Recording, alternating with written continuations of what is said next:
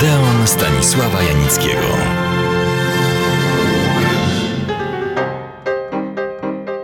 Przed tygodniem już Państwu co nieco o młodzieńczym Cary Grancie opowiedziałem. Teraz kolej na jego ukochaną, rewelacyjną, niepowtarzalną dziewczynę, kobietę, żonę Barbarę Hatton. Ostrzegam, opowieść będzie fascynująca, ale wcale nie radosno-happy-endowa. Kto nie wierzy, że los bywa często okrutny, lepiej niech nie słucha. Barbara Hatton była jedną z najbogatszych kobiet świata. Odziedziczyła bowiem po dziadku, bagatelka, 50 milionów dolarów, dawnych dolarów, nie dzisiejszych. A dziadek, Frank Winfield Woolworth, w pocie i znoju, inteligentnie i bezwzględnie wypracował tę niebotyczną sumę, zakładając i zarządzając światową siecią niebyle jakich sklepów Woolworthsa. Barbara Hatton była jeszcze i to nieprzeciętnie piękna, a potocznie się mniema, że od przybytku głowa nie boli. Zacytuję, żeby nie być posądzonym o stronniczość i męskie zaślepienie. Miała wielkie, fiołkowe oczy, czarne, aksamitne brwi, kontrastujące z naturalnymi blond lokami, porcelanową karnację i tęskny uśmiech, którym łamała mężczyznom serce. Ale ona nie wierzyła w nadzwyczajną swoją urodę i uważała, że za miłość musi płacić. Mówiła: Odziedziczyłam wszystko z wyjątkiem miłości. Szukam jej przez cały czas, gdyż nie wiem, co to jest. Biedna Barbara Hatton. Losy jej najbliższej rodziny były dramatyczne, tragiczne. Matka popełniła samobójstwo. Dziadek zmarł kilka lat później. Niewiele dłużej pożyła jej babka. Ojciec Barbary, Franklin Hutton, zazdrościł jej, ponieważ to ona, Barbara, otrzymała cały majątek. Wbił jej w głowę, że tym, którzy będą się chcieli z nią ożenić, chodzi wyłącznie o jej pieniądze. Niestety, ojciec miał rację.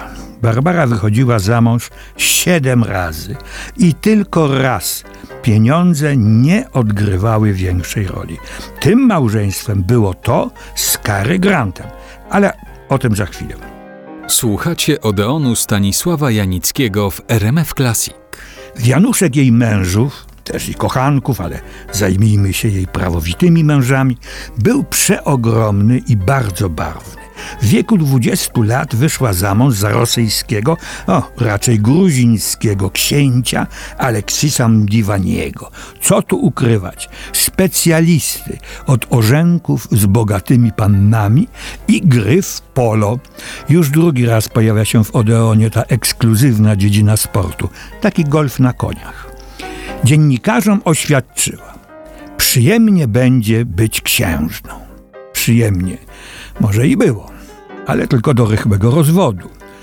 To kosztowało Barbarę Hatton razem wziąwszy 2 miliony dolarów. Bo najpierw obdarowywała swych wybrańców jednym milionem, a potem uzyskiwała rozwód dzięki drugiemu milionowi. Pal licho te miliony. To, co dotknęło jednak Barbarę Hatton najbardziej, co doskonale rozumiem i jej oburzenie w pełni podzielam, była uwaga, jaką uczynił tenże nieokrzesany książę w noc poślubną, kiedy zobaczył swą oblubienicę w pięknej, zwiewnej, jedwabnej bieliźnie. Barbaro, jesteś za gruba. No tu już książę przeholował. Choć prawdę mówiąc, to wiadomość z dosyć pewnych źródeł, Barbara była wtedy, jak to określano, raczej pulchna i ważyła około 70 kg. Ta niegrzeczna i nierozważna uwaga księcia Mliwaniego miała fatalne konsekwencje, ponieważ Barbara wpadła w popłoch zaczęła się wprost obłędnie odchudzać. Zapadła na anoreksję, a odżywiała się wyłącznie czarną kawą, koktajlami uzupełnionymi papierosami, a czyniła to jedna z najbogatszych kobiet świata. Jak się nie darzy, to się nie darzy. Następne małżeństwo też było totalną pomyłką. Tym razem mężem Barbary Hutton został rodowodowy hrabia duński Reventlow. Wydawało się, że wszystko potoczy się jak Bóg przykazał. Małżonkowie doczekali się bowiem potomka. Ale hrabia okazał się jeszcze bardziej niewydarzony niż jego poprzedni książę. Wpadł na przykład na pomysł, żeby żona, czyli Barbara Hutton, zmieniła swoje amerykańskie obywatelstwo na duńskie, bo wtedy płaciliby niższe podatki. No i Barbara się zgodziła, co wywołało w Stanach Zjednoczonych ogromne oburzenie nawet jej zagorzałych fanów za jej niepatriotyczną i niezgodną z honorem amerykańskiego podatnika postawę. Słuchacie Odeonu Stanisława Janickiego w RMF Classic. Na tym nie koniec. Hrabia małżonek zaczął swą bogatą małżonkę sobie podporządkowywać. Co było już nie tylko nietaktem, ale i skrajną głupotą.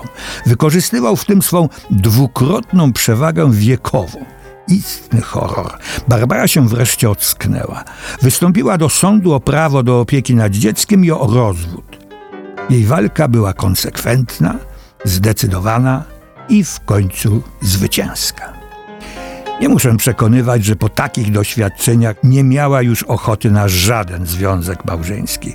Chyba nikt by nie miał.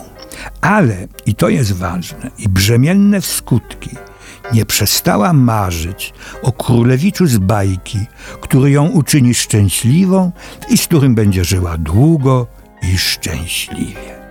Gdzie można takiego królewicza znaleźć?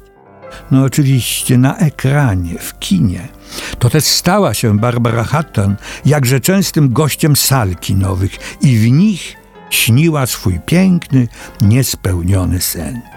Aż pewnego dnia obejrzała film Filadelfijska opowieść. Opowieść o tym, jak o względy dziedziczki wielkiego majątku zabiega przystojny, elegancki, szarmancki, a jednocześnie męski bohater, którego grał Cary Grant. Nie uprzedzając wydarzeń, zapraszam szanownych słuchaczy za tydzień do Odeonu.